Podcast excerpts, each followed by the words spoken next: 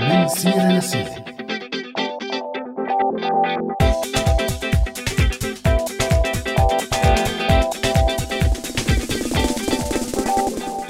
برحب فيكن أنا عزة سواح مستمعي راديو سوريالي بكل مكان وبنتمنى أنه هاي الحلقة تنال إعجابكم ومني أنا همام عفارة أحلى تحية ومحبة بهي الحلقة يلي عم نحكي فيها عن الحب بسنين العشرة الماضية.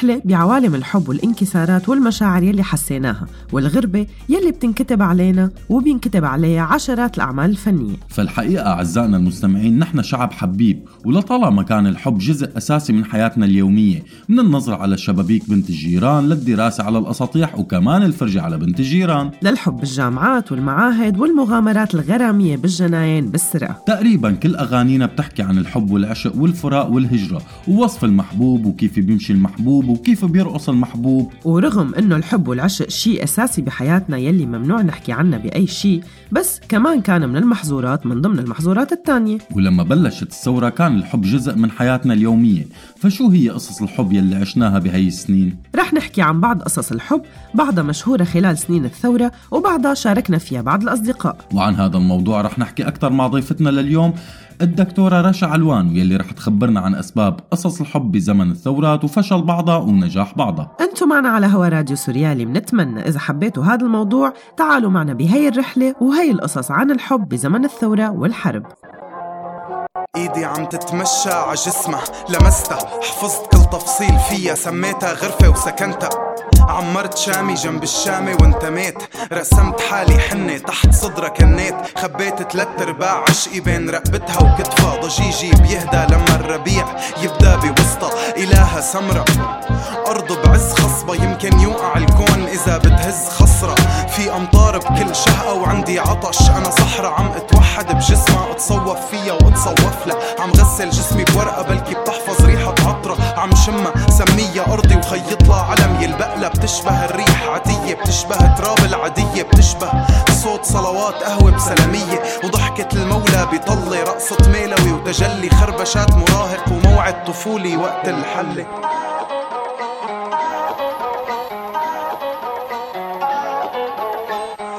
خلي صحرا السفر تنطر شوي. مخبي غيمة تحت عروقي بوسيها لتخلق مي. قولي للسما إنك شمس غرقان بالفي. قرب شروقك عالحي أنت الحي. روقي خلي صحرا السفر تنطر شوي. مخبي غيمة تحت عروقي بوسيها لتخلق مي. روقي خلي صحرا السفر تنطر شوي. قرب شروقك عالحي أنت الحي. عم تطوي تياب الصبح كأنها أم والسما بنتا قربت وبستا جربت كون معها وكنتا هالأرض أنتي ريحة طريق البيت وحكاية ستي. لما كل يوم كان يجي البحر مرة يزور ويترك سمكة لما كان الزيتون بحيفا قد البرتقان بمكة لساكي بكرش لحي الشبكة ستي الشجر عن جسمك رشي مطر ع اسمك. فستان عرسك لساته بأول حبكة بعيشك بالمكان شويتين شوي زيت أخضر. بعمر وبعمر جوات عيونك بيت زعتر. بحبك وبغرق ليمون. بسميكي وعد وبنطر مثل الكمون. بسهر الليل ليل. هموم الأرض على كتافي شيل. الرب غزيل. ضلت الحلوة تغني حتى ميل. ستين ألف شامة وجبينك حلي. مليتي كونوا تياب. قومي شلحي تياب الطلي سؤال حلقتنا لليوم مستمعينا شو أشهر قصة حب سمعتوها خلال سنين الثورة؟ ولتجاوبوا على سؤالنا لليوم فيكم تتواصلوا معنا على صفحاتنا على مواقع التواصل الاجتماعي فيسبوك وتويتر أو من خلال رسالة صوتية أو مكتوبة على رقم واتساب 00962 7798 51210 الصديقة هي الموسيقى هي اللعوب. المراهقة هي العتيقة هي الجميلة والأصيلة هي المألوفة الغريبة الضاحكة الكئيبة هي الأرض هي الأرض هي الجميلة والأصيلة هي المألوفة الغريبة الضاحكة الكئيبة هي الأرض هي الطريقة. روقي خلي صحرا السفر تنطر شوي مخبي غيمة تحت عروقي بوسيها لتخلق مي. قولي للسما إنك شمس غرقان بالفي قرب شروقك عالحي أنت الحي. روقي خلي صحرا السفر تنطر شوي. مخبي غيمة تحت عروقي بوسيها لتخلق مي. لتخلق مي.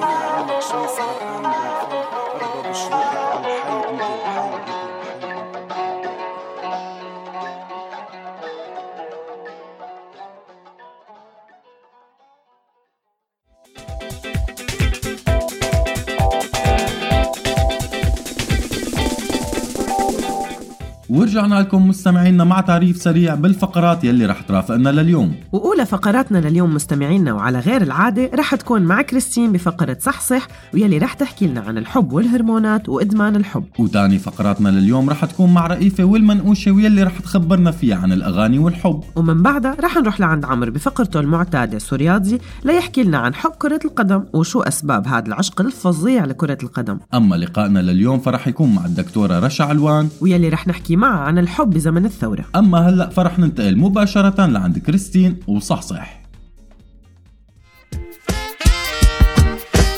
صحصح. معي أنا كريستين.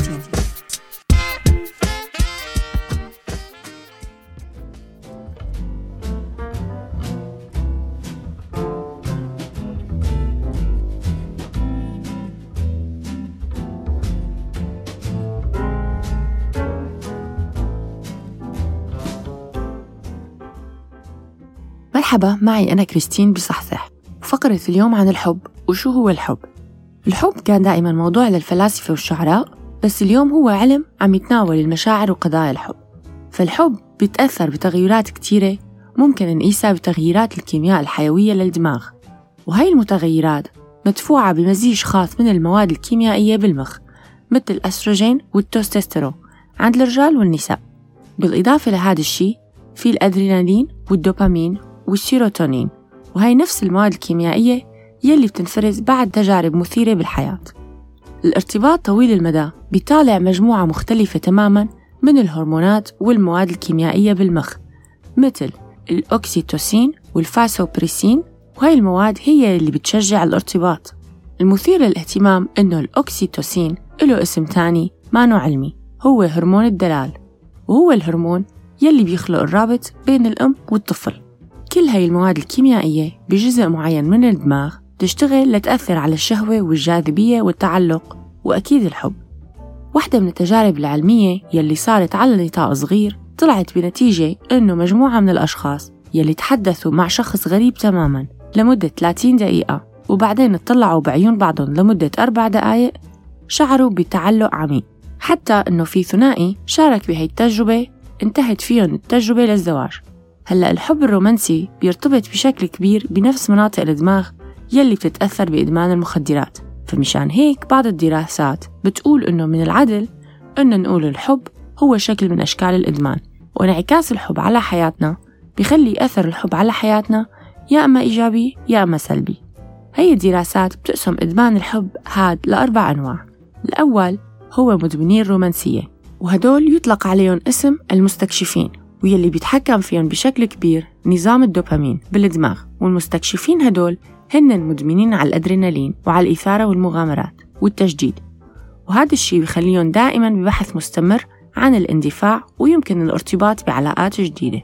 النوع الثاني هو مدمني الارتباط. وهدول بيحكمهم السيروتونين بشكل كبير. وهدول بالعادة حذرين وتقليديين بحبوا يتمسكوا بالخطط والجداول الزمنية. إدمان الحب عندهم بيخليهم صامدين بعد فترة طويلة من العلاقة. النوع الثالث هو مدمنين مشاعر متطرفة وهدول بيسيطر عليهم التستوستيرون ومن المحتمل إنه يصيروا مدمنين على التطرف بالمشاعر والفوضى ممكن تسيطر الاضطرابات على علاقاتهم إذا رفضوا من الشريك. مدمني اليأس واللي بيسيطر عليهم الأستروجين والأوكسيتوسين بتميل هاي الفئة من الأشخاص وإدمانهم بيتجه للتضحية بالنفس مشان الآخر.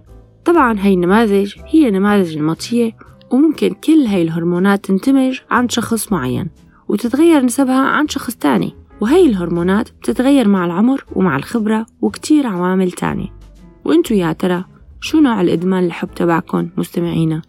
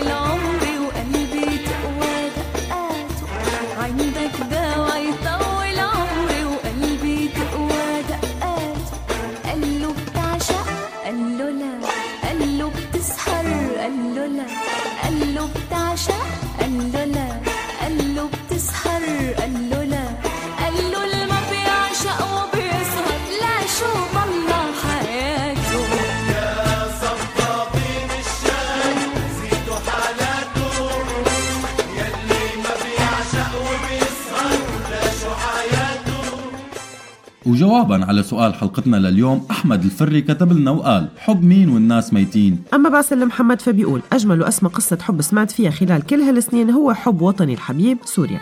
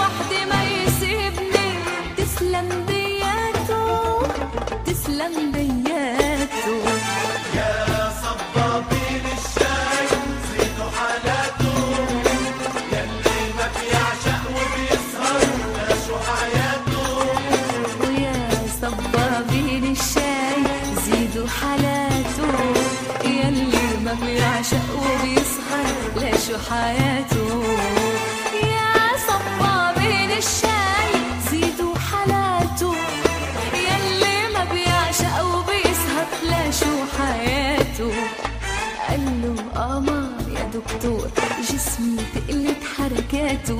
قال له آمان يا دكتور جسمي تقلت حركاته. عندك دواء يطول عمري وقلبي تقوى دقاته. عندك دواء يطول عمري وقلبي تقوى دقاته. قال له بتعشق؟ قال له لا. قال له بتسهر؟ قال له لا.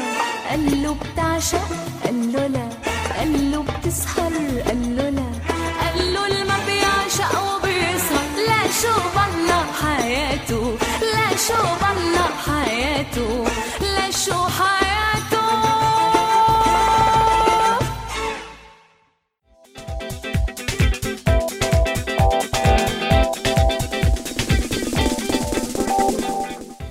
وسهلا فيكم عن جديد بالقسم الأول من النقاش اللي رح نبلش فيه أنا وعزة ببرنامج من سيرة لسيرة ويلي رح نحكي فيه عن الحب والثورة والحرب. لطالما كان هذا الموضوع جذاب لكتير من الكتاب والفنانين والشعراء والسينمائيين كمان. مشان هيك طلع معه عدد هائل من الأفلام. وبالحياة السورية مع الثورة عشنا عدد كبير من القصص الحب المختلفة. في بعض قصص الحب الطويلة وعلاقات الزواج انتهت مباشرة مع بداية الثورة السورية والعنف الكبير يلي واجه فيه نظام الثوار السوريين. فكثير من العائلات السورية شهدت انقسامات كبيرة جواتها بسبب مواقفها من النظام أو من الثورة وكشفت هي العلاقات بعد ما انتهت عن حجم الانقسامات يلي كانت موجودة ومخباية فينا من قبل. فمثل ما بيقولوا الثورة نكشت الخمير والفطير فكان في كتير من علاقات الحب يلي كانت عابرة للأديان والطوائف قبل الثورة السورية إجت الثورة لتطالع هاي الخلافات على السطح وهذا الشيء اشتغل عليه النظام بشكل كتير كبير لزيادة التقسيم الطائفي. فبوحدة من علاقات الحب يلي جمعت صبا صبية من درعا وغدير ابن مدينة جبلة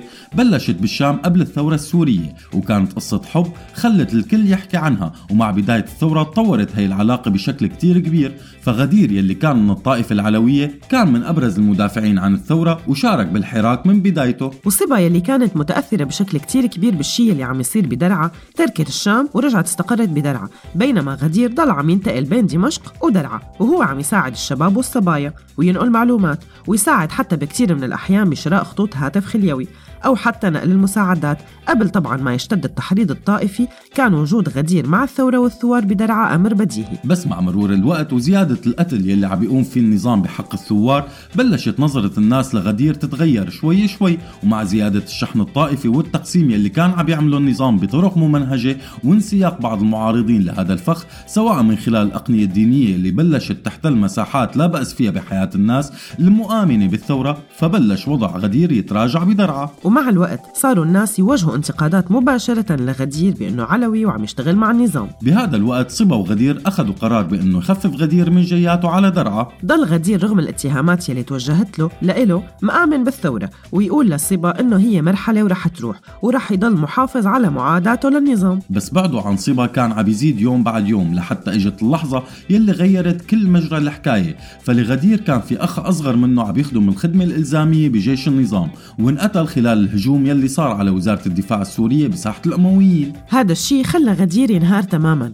ويبلش برحلة لتغيير وجهة نظره من كل شيء. والغريب إنه العزلة يلي عاشتها صبا والعنف الكبير يلي عم يمارسه النظام على مدينتها وهي عم تشوف أهل مدينتها كمان عم يموتوا قدامها خلى من المستحيل يسكر الشرخ بيناتهم. لتخلص قصة حب جميلة بكره بسبب نظام عم يسكر مو بس البشر بل حتى الأمل بقصص حب مثل هي القصص الكتير المنتشرة على الإنترنت بتحكي عن عدد كبير من قصص الحب بزمن الثورة والحرب يلي انتهت إما بتغييب أحد الحبيبين أو الأزواج بمعتقلات النظام. بينقل موقع سوريا حكاية ما انحكت بعض هي القصص فبينقل بوحدة من المقالات عن الموقع حكاية جبران العيسى من اللاذقية المقيم حاليا بألمانيا فبعد ما انشق عن جيش النظام اضطر إنه يتخبى باللاذقية وكان مرتبط ببنت عاشوا قصة حب قبل الثورة بس بسبب تنقله وتخفيه ما كان عم يقدر يلاقيها بشكل دائم أو يلتقى فيها. هذا الشيء اللي خلاه يعتمد على واحد من رفقاته للتواصل. فما كان من هذا الصديق إلا إنه خطف قلب حبيبته وتزوجوا بعد فترة. ومن القصص يلي بيرويها نفس المقال بالموقع بينقل عن الناشط الإعلامي وائل الشامي لحكاية من حكت عن شاب وصبية من النشطاء بالشام.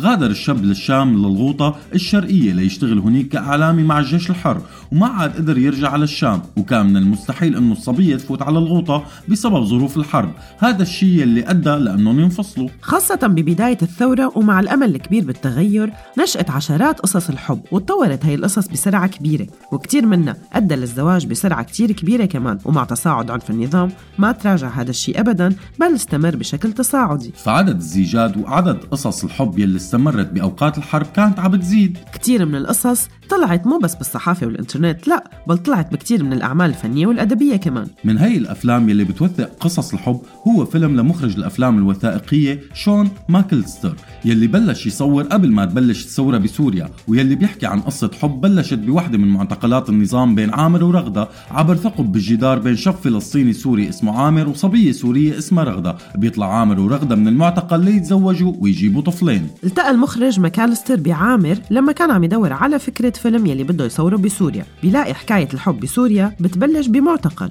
وكبرت بسوريا بس المخرج بيتعرض للاعتقال مع بداية الثورة السورية. هذا الشيء يلي بيخليه يتعرف بشكل أقرب لسه على معنى السجون السورية السورية الشهيرة بأساليب التعذيب والمعتقلين وبيفوت لجوات الفيلم. وبعدها تم إطلاق سراح المخرج وعامر ورغدة هربوا من البلاد ليوصلوا على فرنسا. أما تاني الأفلام يلي بدنا نحكي فيها اليوم هو فيلم من أجل سما. هذا الفيلم يلي بيناقش أفكار الحب والثورة والحرب ويلي بيورجي الرحلة يلي عملتها وعد الخطيب ويلي تضمنت بتصوير أكثر من 300 ساعة بحلب لتتحول هي الساعات لفيلم وثائقي مع المخرج البريطاني إدوارد واتس. من أجل سما بيحكي عن حياة وعد يلي ناضلت مشان الحب والأمومة خلال خمس سنوات يلي عاشتهم بسوريا ووثقت من خلال حياتها كصحفية بحلب المحاصرة وكيف حبت وكيف تزوجت بأحد أطباء هي المدينة وكيف ولدت بنتها سما يلي الفيلم بيحمل اسمها. من قصص الحب كمان يلي صارت بشكل فني قصة الحب يلي عاشوها كل من باسل خرطبيل ونورا الصفدي. فمن خلال فيديو animation قصير بيلخص حكاية الحب يلي عاشتها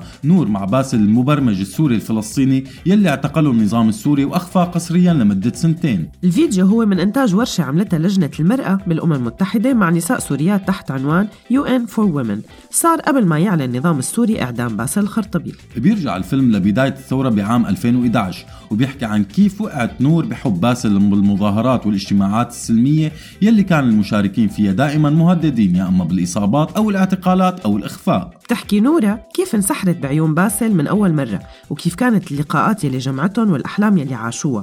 بعد ما أنه قربت أحلامهم تتحقق مع الخطوبة لتروح نورا بعدها بتفاصيل عرسها يلي عم تخطط له وبتحكي كمان عن فستان الأبيض يلي ما قدرت تلبسه للأسف بسبب اعتقال باسل قبل أسابيع من موعد العرس. قصص الحب يلي عشناها كسوريين بزمن الثورة طويلة وكتيرة بس خلصنا القسم الأول من هي الحلقة وصار لازم نروح مع المنقوشة لنخفف شوي من قسوة هذا القسم وبنرجع بعدها بالقسم الثاني لنحكي عن قصص اللجوء وقصص حب تانية لتعرفوا خليكم معنا على السمع هوا راديو سوريالي أو كملوا الحلقة على مواقع التواصل الاجتماعي أو ال SoundCloud.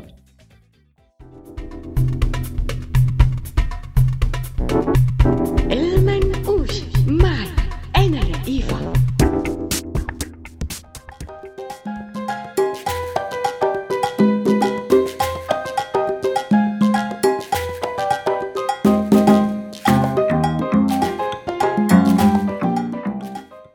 أول ما منتعرف على شخص من ثقافة مختلفة شو منعمل؟ منعرفه على ثقافتنا. وواحدة من أهم الأشياء بثقافتنا هي لك لا غير الأكل. أيوة عم بحكي عن الأغاني والموسيقى. والأغاني بثقافتنا هي أغاني الحب بالتحديد. والعشق بثقافتنا فيها شي ألف بالمية من أغانينا. مشان هيك أول سؤال بيسألونا يا أصدقائنا الغربيين هو شو يعني حبيبي؟ بحبك حبيتك ومحبوبي بلكنتهن العجيبة. ويلي بتتراوح فيها حرف الحاء بين الهاء والخاء وتنويعات ما بين الحرفين. حبيبي خبيبي يلي بدك يا. فمفتاح كتير من الثقافات هي الأغاني يلي فيها. فلما مننتقل لبلد جديد أو ثقافة جديدة في وسم بيوسم موسيقى هذا البلد ومفرداته فببلجيكا في La bohème لجاك بريل. وبفرنسا إيديث بياف ومجموعة من الأغاني أشهرها الحياة باللون الزهري La vie en rose. وبأمريكا كمان في نماذج كتيرة وبألمانيا في بيرجي für die Liebe المهم بتختلط الثقافة مع الموسيقى وكتير من الناس بتحاول تتعلم اللغات من خلال الأغاني المنتشرة بهي الثقافات بسبب تكرار هي الأغاني وإعادتها للإذاعات ومحطات التلفزيون. مشان هيك رح حاول استعرض شو هي الأغاني أو الأنماط الغنائية يلي ممكن يتعلم منها الشخص اللغة العربية. أول نتيجة من الصعب إنه تلاقي أغاني باللهجة السورية لتعلم هي اللهجة. وعم بحكي عن اللهجة البيضة يلي جاية من اللهجة الشامية تبع المسلسلات لأنه هي الأغاني شبه معدومة. اللهم إلا إذا رحنا لمراحل سابقة مثل الخمسينيات والستينيات. ويلي فيها بعض النماذج يلي ما كتير مفيدة. وإذا رجعنا للتراث في عنا تعي على الفي وبيلبق لك شكل ألماس لكن ما بظن غنية مثل هزية نواعم خصرك الحرير ممكن تضيف كتير لقاموس اللغة لشخص عم بيتعلم لغة جديدة. أما لهجات المحافظات الأخرى فبتلاقي رواج أكثر وممكن كتير نلاقي مطربين وأغاني من المنطقة الشرقية على وجه التحديد. ويلي بيحلو للبعض بإطلاق تسمية مطربي الكراجات عليهم. ويلي بعكس ما ممكن كتير من الناس تفكر إنه هي أغاني هابطة بالعكس في مجموعة كبيرة من هالمطربين قدموا فن حقيقي عبر سنوات طويلة. بس اختلاف اللفظ عند هدول المطربين بكتير من الحروف مثل القاف الجيم الشين الكاف. بيخلي عند متعلم اللغة العربية بعض الصعوبات. ومن نفس فئة مطربي الكراجات في مطربي الساحل. وما عم بحكي عن علي وحسين الديك. عم بحكي عن المراحل يلي قبل مثل عيسى نعوس وكمان هدول المطربين ما رح يكونوا مواد درسية مهمة بسبب الإطالة بالمواويل تبعهم والزجل والعتابة. بحلب في مادة دسيمة من الأغاني التراثية يلي بتصلح أنه تدرس لتعلم الحلبية. وخاصة أنه خلال فترة طويلة امتد أثر الأصوات الحلبية على الموسيقى السورية وانكتبت كتير من الأغاني لهي اللهجة. بس منخاف على الطلاب أنه يزداد تأثرهم بالمطربين الحلبية. فيربي شوارب مثل نور مهنا أو يرقص مثل صباح فخري وشادي جميل أو يعمل غرة مثل غرة نهاد نجار. لكن بالعموم الأغاني الحلبية غنية بما يكفي لتعليم واحدة من أهم وأشهر اللهجات السورية. مشان هيك إذا لازم نلجأ بأحيان كتيرة لأغاني من الدول الشقيقة وبالأخص اللبنانية. أما شو هي هي الأغاني فرح أتركها لفقرة تانية من المنقوشة. كنت معكن أنا رئيفة بهي الفقرة. أبوس روحكن وشو قفا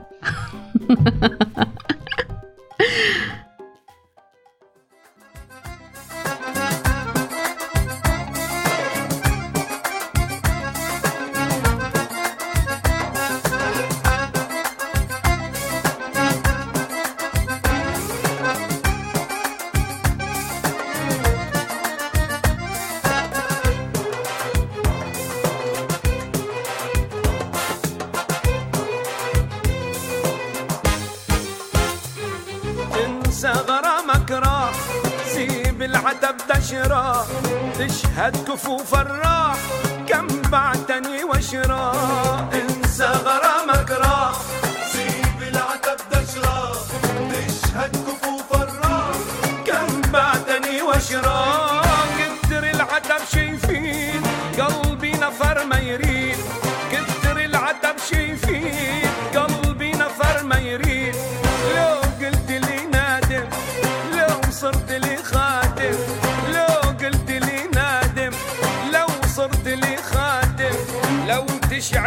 العشرة يا خاين العشرة انسى غرامك راح ليل ليل ليل ليل ليل ليل ليل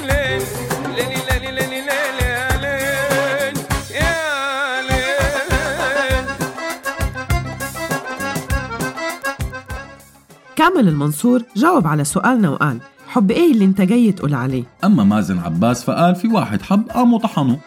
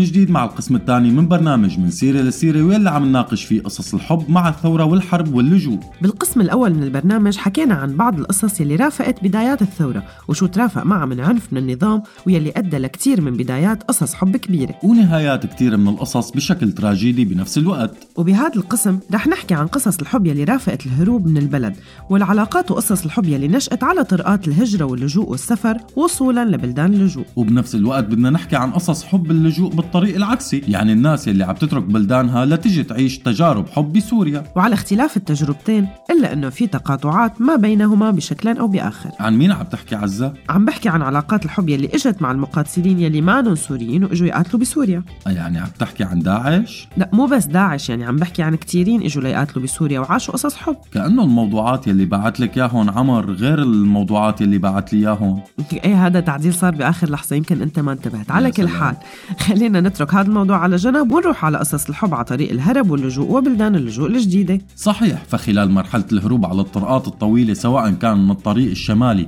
حقول القطن والزيتون والقمح أم عن طريق الجبال بين لبنان وسوريا ومناطق القلمون قبل ما تسيطر عليها ميليشيا حزب الله أو من الجنوب والوديان يلي قطعوها أهالينا ليهربوا من جرائم الأسد. صارت قصص حب كتيرة ومن هاي القصص قصة خليل سالم وندى عليلي من مدينتين مختلفتين. التقوا على الطريق ببداية الثورة وكانوا العازبين الوحيدين بهي الرحلة يلي جمعتهم بجنوب سوريا للهروب للأردن. وعلى الرغم من إنه عيونهم التقت من أول لحظة وإنه اثنيناتهم حسوا بشي من الأول بس ضلوا بعاد عن بعض مشان ما يكتر القيل والقال. وما قربوا من بعض. هيك لحتى وصلوا للحدود الأردنية. وبلشت هنيك قصة حب جميلة. انتهت بين الاثنين بالزواج وحاليا بيعيشوا بالسويد ولسه قلبهم وعقلهم بسوريا. وقصة تانية رح نستخدم فيها بس الأسماء الأولى. شاركونا فيها أصدقاء البرنامج وما حابين يذكروا أسمائهم الكاملة وهي سوسن وعلي. بعد هروبهم من سوريا للبنان وصلوا على بيروت تقريبا بنفس اليوم. وخلال تدويرهم على بيوت للسكن بمنطقة الأشرفية بلبنان ضاربت مواعيد دلال البيوت. وهيك كان اللقاء الأول بيناتهم وبما أنه الاثنين حالتهم المادية لحظة وصولهم للبنان كانت صعبة وأجار الشقة 800 دولار كانت غالية كتير عليهم هن الاثنين. وبسبب إنه الدلال بده يخلص من القصة اقترح عليهم يستأجروا الغرفة سوا. وقدام استهجان كل من علي وسوسن للقصة أول شي بس الدلال أكد لهم إنه ما في شي غريب. وهيك قبلوا الاثنين يسكنوا مع بعض. ومع الأيام متوالية وقربهم السياسي لاقوا حالهم مو بس ساكنين مع بعض لا بل جمعهم كمان القدر إنه يشتغلوا بمؤسسة واحدة موجودة مكاتبها ببيروت. وهيك بلش مسح الأصدقاء والمعارف إنه ساكنين مع بعض ووشهم بوش بعض كل يوم. وهيك بلشت القصة بلقاء صدفة وانتهى بخطبة وزواج. بس للأسف مو كل قصص الحب يلي عم تكون نهايتها حلوة مثل قصة صهيب وشذا. فصهيب وشذا يلي هربوا من سوريا وهن ناويين يروحوا على تركيا ويتزوجوا هنيك زواج مدني لأنهم من طائفتين مختلفتين. انقبض على صهيب على الحدود. وبعد نطرة سنين عرفت شذا إنه انقتل وهي ناطرته بتركيا. مخيمات اللجوء سواء بالأردن أو بلبنان أو تركيا كمان كمان شهدت كتير من الأعراس وقصص الحب. جزء منها تقليدي والجزء الثاني صار في كتير من المغامرات. فعلى الرغم من المعاناة بهي المخيمات إلا أنه بيصير فيها كمان قصص بتحمل شوية أمل. ومشان ما نطلع من المكرر والقصص السورية اللي ممكن تكون سمعانينها رح نحكي عن لاجئة عراقية حبت حارس حدود. فالبي بي سي نقلت عن وكالة الأنباء الفرنسية هاي القصة يلي لعبت الصدفة فيها دور كتير كبير. فكان في حارس اسمه دودوفسكي راح بيوم إجازته على الشغل ليلتقي مع نورا يلي كانت عم تنطر هي وعائلتها إذن لعبور الحدود. ومن هنيك أخذ القدر هي الصبية وحارس الحدود لرحلة تانية. نورا اللاجئة العراقية يلي تركت وطنها ببداية سنة 2016 مع أهلها من محافظة ديالي يلي شهدت كتير من العنف وقطعت آلاف الكيلومترات عبر تركيا وركبت قارب مع عشرات المهاجرين لتعبر البحر المتوسط لجزيرة ليسبوس اليونانية لتوصل آخر شي لجزيرة مقدونيا. وهنيك كانت على موعد غير محدد مع القدر فلما كانت نورا ناطرة مع عائلتها التصريح شافها الحارس وشاف شيء شيء مميز وقرر يغير شيء. نورا كانت بتحلم تروح على ألمانيا وتعيش مع عائلتها بس الموافقة تأخرت ولما راحت لعند هذا الضابط حاول يتعامل معها باحترافية بس ما قدر. لاحظت زميلته هذا الشيء عليه وقالت له والله يا شريك أنت وقعان لشروشتك. إيه بس همام أكيد قالت له هالجملة بالمقدوني ما؟ غالبا. على كل حال كانت نورا بهداك الوقت مريضة مشان هيك اهتموا فيها بالصليب الأحمر وهذا الشيء عطى فرصة للحارس ليتعرف عليها أكثر وبعد ما طلب منها الزواج عشر مرات بالأخير قبلت. أما آخر قصص الحب يلي بدنا نحكي فيها عنها اليوم هي شوي إشكالية. بس رح نحكي فيها باختصار مشان ما نطول عليكم. ويلي هي قصص الحب للناس يلي إجت على سوريا. مثل ما بتعرفوا إلى جانب مقاتلي ومقاتلات داعش في كتير من القوات يلي إجت على المنطقة من مقاتلين اجوا ليقاتلوا داعش جانب قوات سوريا الديمقراطية وغيرها من القوات الكردية في قوات كتيرة إجت على سوريا لحصد مكاسب على الأرض إلى جانب العنوان العريض يلي هو طبعا مقاومة الإرهاب. سواء قوات روسية أو أمريكية أو إيرانية أو غيرها من القوات. ومن جانب النظام في كتير قصص حب يلي أدت للزواج من عسكر روس ومرتزقة من حزب الله. بس ما رح نفوت بهي القصص. بل رح نحكي عن موضوع الحب مع داعش. فعلى الرغم من الجانب الإجرامي والوحشي لهذا التنظيم بس كشفت كتير من المحادثات والمعلومات بعد سقوط التنظيم الإرهابي إنه في كتير من النساء يلي انضموا لهذا التنظيم ما كان هدفهم الأول هو الإرهاب ولا الأيديولوجية المتطرفة للتنظيم هي اللي جذبت هدول النساء والرجال لهذا التنظيم. بل كان القلب والقلب لما يعشق بغير الإنسان. للأسف ما رح يكون عنا الوقت لنذكر بعض هي القصص يلي قدرنا نحصل عليها. بس بدنا نقول إنه أكيد ما عم نحاول نبيض صفحة هذا التنظيم الإرهابي بس عم نحاول نرسم صورة عن قصص الحب يلي صارت ولسه عم تصير بسبب الحرب بهي القطعة من البلد. أما هلأ فصار الوقت لنروح لعند عمر لنسمع شو بده يخبرنا بفقرته الجاية سورياضي. سوريالي مع عمر سواق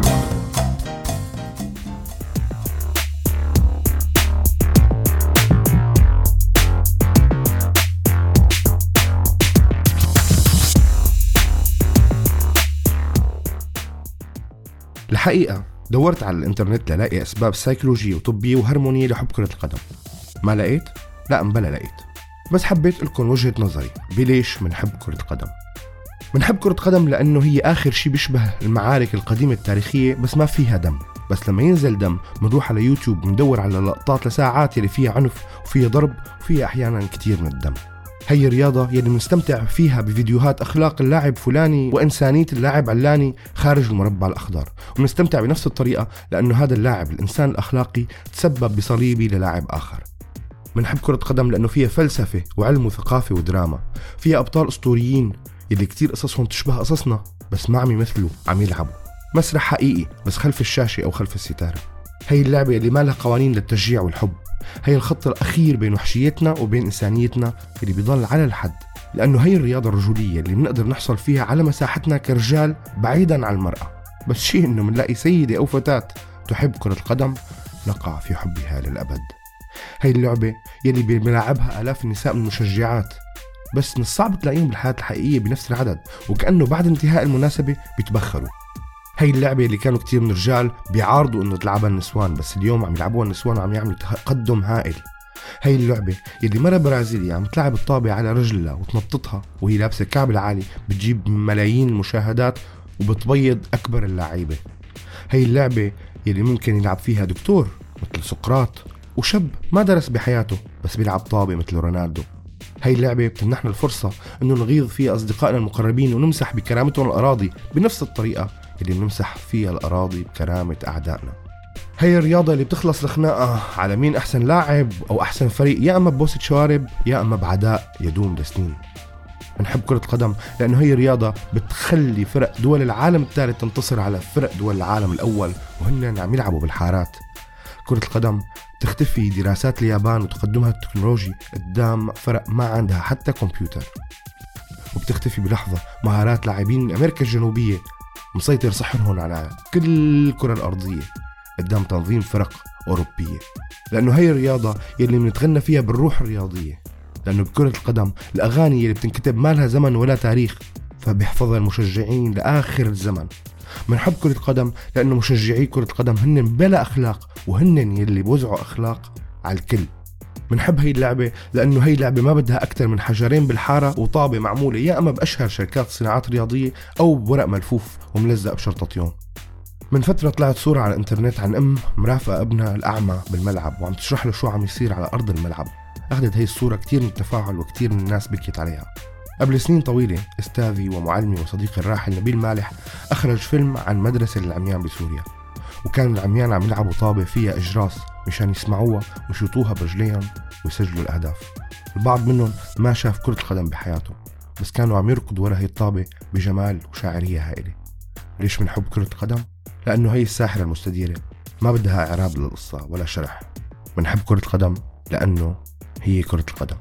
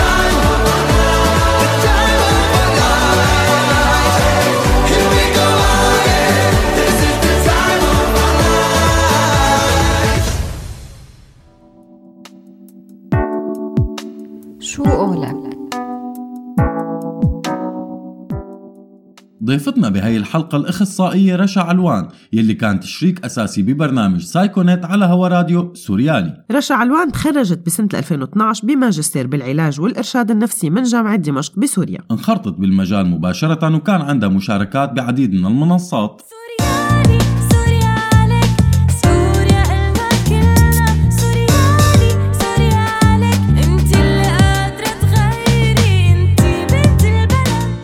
الدكتورة رشا علوان أهلا وسهلا فيك. ضيفة عزيزة ببرنامج من سيرة لسيرة على هوا راديو سوريالي. مساء الخير دكتورة.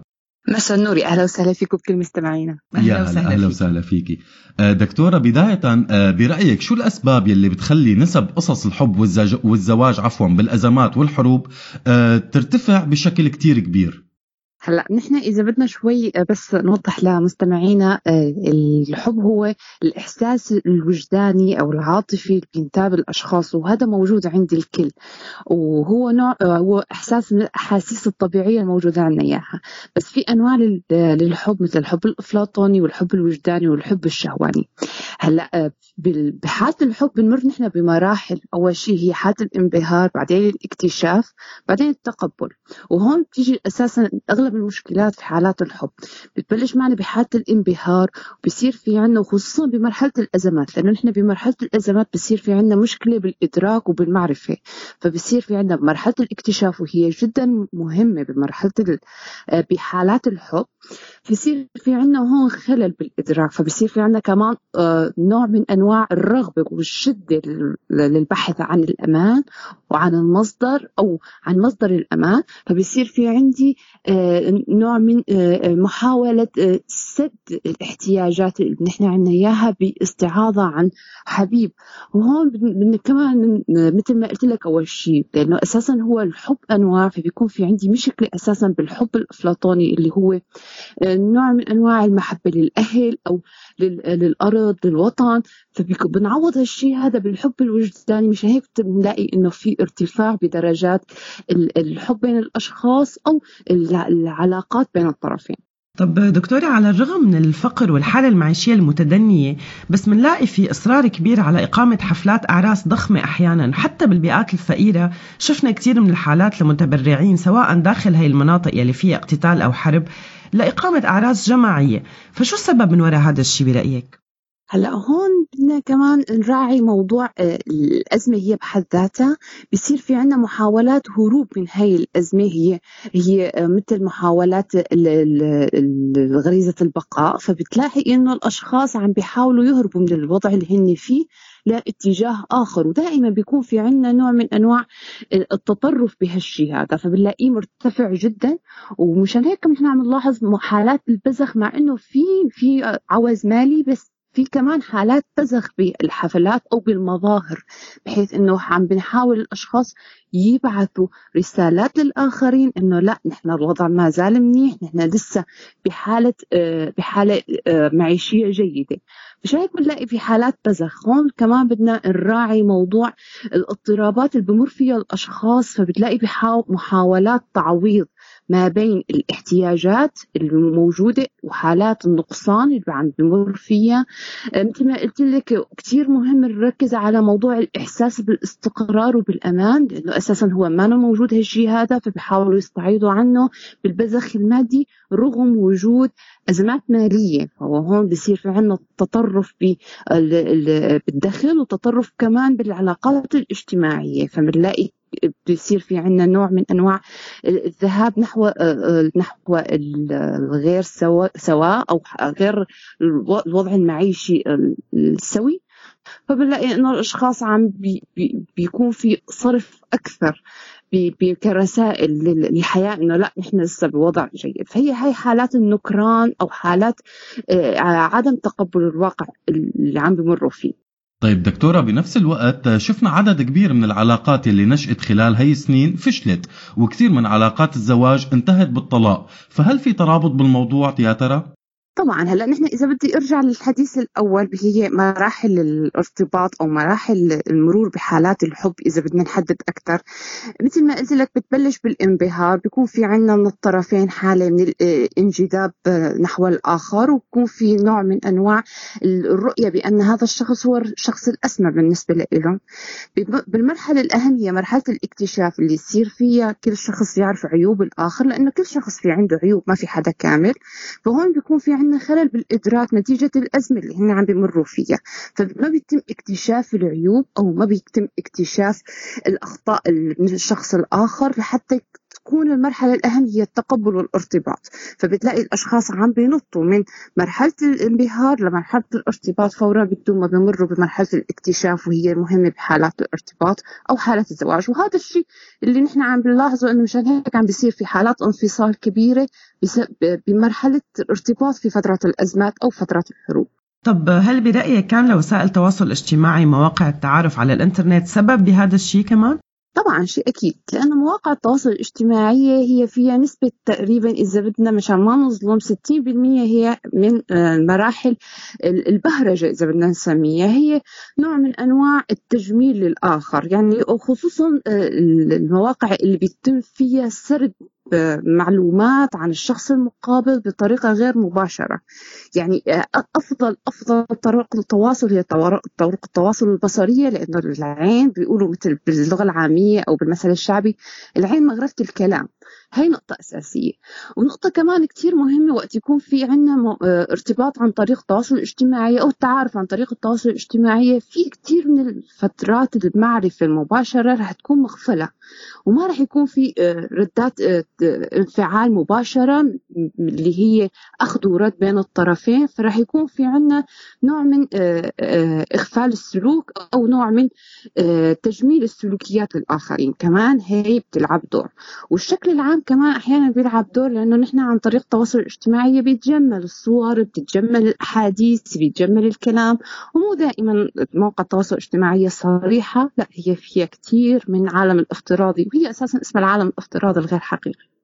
فمشان هيك تكون الارتباط بهالشيء هذا أو عن طريق هالشيء هذا كمان بيغفل مرحلة الاكتشاف المهمة جدا بحالات الحب والارتباط. طيب دكتورة مؤخرا نشأت كثير من علاقات الحب السريعة بين لاجئين وبعض العاملين بمجال الإغاثة واللجوء. وسمعنا عن دراسات بتحكي عن تعلق الناجين أو اللاجئين بأشخاص بيشتغلوا بهذا المجال. يا ترى شو الأسباب برأيك؟ هون بدنا نرجع لسبب الحالات الارتباط في إن البعد المكاني وفي عنا البعد الزماني وفي عنا التناسب بين الطرفين. هلا هون بدنا نرجع للبعد المكاني هي المرحلة اللي يكون في عنا تجمع أشخاص بمكان معين فبصير في تعارف بصير في ارتباط بمرحلة الحب. تماما هي فهمت مرحلة المراهقة المراهق أول ما بيطلع بيدور على أقرب الأشخاص له يا بنت الجيران يا رفيقته بالمدرسة يا حدا من قرايبه يا متعلق بآنسته هو هون كمان نفس الشيء نفس المرحلة. فهو هون كمان نحن بدنا نراعي إنه هدول الأشخاص عم بيمروا بأزمات مشتركة يعني في عامل ارتباط بيناتهم شيء مشترك بيناتهم. احتمال بعض المواقف اللطيفة اللي بمروا فيها مثل المساعدة من قبل الآخرين أو تقديم العون كمان هذا بيقرب المسافات بين الأشخاص. بس مثل ما قلت لك موضوع الارتباط بيحدده البعد المكاني والبعد الزماني. وطبعا شيء أكيد التقارب بالشيء بالشيء المشترك بين الطرفين. تمام. طب هلأ آه، بنروح على العلاقات الزواج اللي صارت خارج إطار الثورة. كمان عم نشهد كثير حالات طلاق من النساء يلي لجأوا من سوريا. فهل الثورة والحرب متصلة بهذا الموضوع يا ترى؟ أم إنه جذور هي الحالات مثلا أعمق من هيك بكثير هلا هون بدنا آه، نشوف الأسباب اللي أدت للارتباط. في أحيانا كثير من الارتباط أو من حالات الزواج بين الطرفين بيكون تحت مسمى معين أو لأسباب معينة. وأحيانا كثير بيصير في عنا حالات طلاق عاطفية بتستمر بين الأشخاص أو بين الزوجين آه، ضمن مسمى أسرة واحدة لكن هنا بيكون في عندهم حالات طلاق آه، وجداني أو طلاق عاطفي وبيكملوا بمسيرة ضمن الأسرة الواحدة بس لأسباب معينة. هلا هاي الأسباب وقت بتزول بزول حالات بتخليهم مع بعض فبتصير حالة الطلاق العلني. وهذا اللي عم بنشوفه. نحن كمان بدنا نراعي موضوع الارتباط أو العلاقات ما قبل الثورة أو ما قبل حالات الأزمة اللي مرت فيها سوريا كان المجتمع بيكون فيه شروط معينة لل- للزواج. هاي الشروط وقت كمان بتزول كمان بتزول أسباب الزواج فبتم الطلاق. وهذا الشيء عم بنشوفه. عم بنشوف اختلاف بالبيئة اختلاف بال آه، بالوضع الاجتماعي اختلاف بالمسميات حتى المهنية آه، آه، خلل بالشهادات العلمية. في عم نشوف صعوبات حياتية مختلفة ارتفاع درجات الضغط النفسي والضغط الحياة الحياة اليومية. هي كلياتها أسباب بتؤدي للطلاق. هلا إذا كان في علاقة وطيدة أو حالات الحب وهون في بدنا نراعي إنه موضوع الارتباط بين الزوجين اللي بيكون متماسك وقوي على أساس صلب رح يستمر هالزواج تحت تحت كل الضغوط أما إذا كان في عنا بعض نقاط الضعف رح تتفاقم ورح تظهر مع أول ضغط نفسي أو أول ضغط بيئة معيشية رح يمروا فيها. فهيك مشان هيك عم بنشوف حالات الطلاق.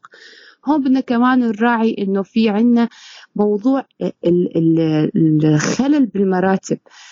بالنسبة للحالات الزوجية دائما الزوج والزوجة بيشوفوا بعضهم بالدرجة الأولى أو بالنسبة لهم هم الشخص الأسمى بالنسبة لبعض فبيستمر الحالة الحالة الزواجية بشكل سوي. أما وقت يكون في عنا اختلال بالصورة هدول الأشخاص فبنلاقي في عنا انهيار العلاقات الزوجية. مثل ما عم نشوف عم بمروا خلال فترات اللجوء ببعض الأزمات ببعض المواقف المحرجة آه، بعض آه، الإحساس بالضعف. هذا الشيء عم بيخليهم ينسحبوا من حياة بعضهم عم بيصير في عنا حالات الطلاق اللي عم بنشوفها. بعيدا عن بعض المسميات الطلاق تحت مسمى مصدر معيشي أو غيره أو غيره من الأسباب اللي عم تعيشها الأسر الأسر السورية إن كان بالداخل ولا بالخارج بحالات اللجوء. طيب دكتورة نهاية بالنسبة لعمليات التجنيد على الإنترنت يلي كانت تصير داخل التنظيمات الإرهابية هل برأيك كان في جانب رومانسي لاستجلاب هدول البنات أو السيدات لسوريا؟ طبعا غير الرومانسية تبع إنشاء الدولة الإسلامية. طبعا شيء أكيد. كان في بعض الدعا- الدعايات أو الممارسات الإعلامية من قبل. بعض المنظمات بنوع من أنواع توفير بيئة مناسبة أسرة سعيدة آه، عائلة آه، تتناسب مع آه، أفكار الأشخاص. وهون بدنا نركز على موضوع سحب آه، المراهقين تحت هاي المسمى. وهون كمان بدنا نركز على موضوع الحملات الإعلانية والدعائية اللي صارت لتجنيد الأشخاص. طبعا شيء أكيد هالشيء هذا موجود ولمسناه وهون بده يكون موضوع اللعب على آه، الحرب النفسية من خلال آه، جانب الوجدان العاطفي. تماما هو مثله مثل إذا بدنا نرجع للحب الأفلاطوني لأن الحب الأفلاطوني هو أسمى أنواع الحب اللي بيكون متعلق بالأرض فبيكونوا أو الأهل فبيلعبوا أحيانا على الوتر. أما بالمشاعر آه، نحو الوطن نحو الأرض نحو الأهل الدفاع عن عن النفس وعن الأهل أو بيلعبوا على الو- الجانب الوجداني العاطفي من خلال الارتباط بين الأشخاص أو آه، آه، سحب أحد الأشخاص أو أحد الزوجين والحاق الآخر به من الجانب الوجداني. نهاية دكتورة شكرا كثير إلك ويعطيك ألف عافية وشكرا لوقتك وللمعلومات القيمة اللي أفدتينا فيها. يعطيك ألف عافية دكتورة راشا. أهلا وسهلا فيك وبكل مستمعين. أهلا وسهلا فيكم. أهلا شكرا لك يعطيك العافية.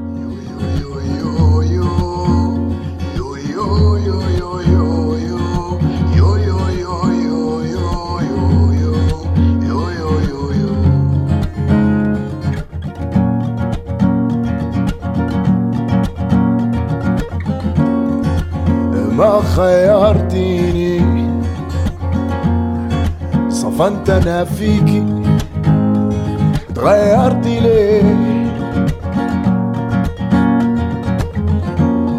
بشوارعك دفنتيني. مدام صوتي صار صدف مجاريها ما صرحتي ليه؟ تخبي نامي في مكانك. بيقولوا منك الليل غيران.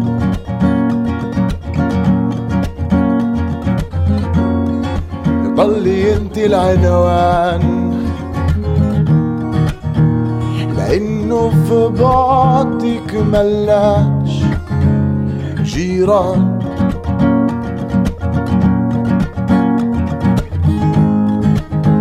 إحنا الحكاية الجداد.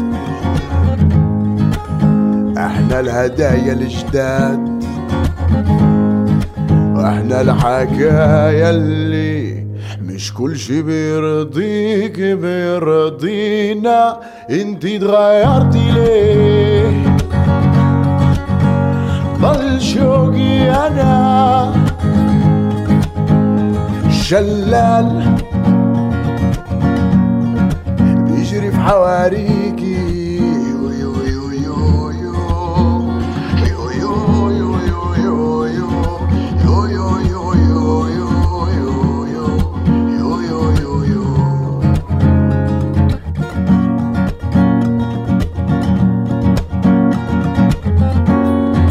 طلي برا شباكك. ربك قولي لي إحنا ننام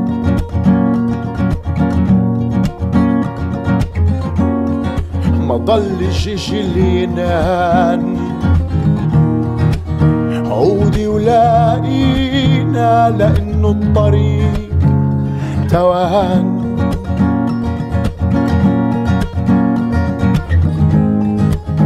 إحنا الحكاية الجداد إحنا الهدايا الجداد. إحنا الحكاية اللي مش كل شي بيرضيك بيرضينا. انت اتغيرتي ليه؟ ضل شوقي أنا. شلال بيجري في حواريكي. إحنا الحكاية الجداد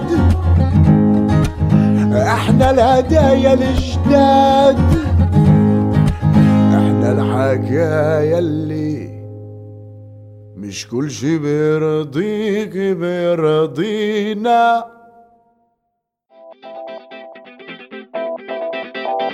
من سيرة لسيرة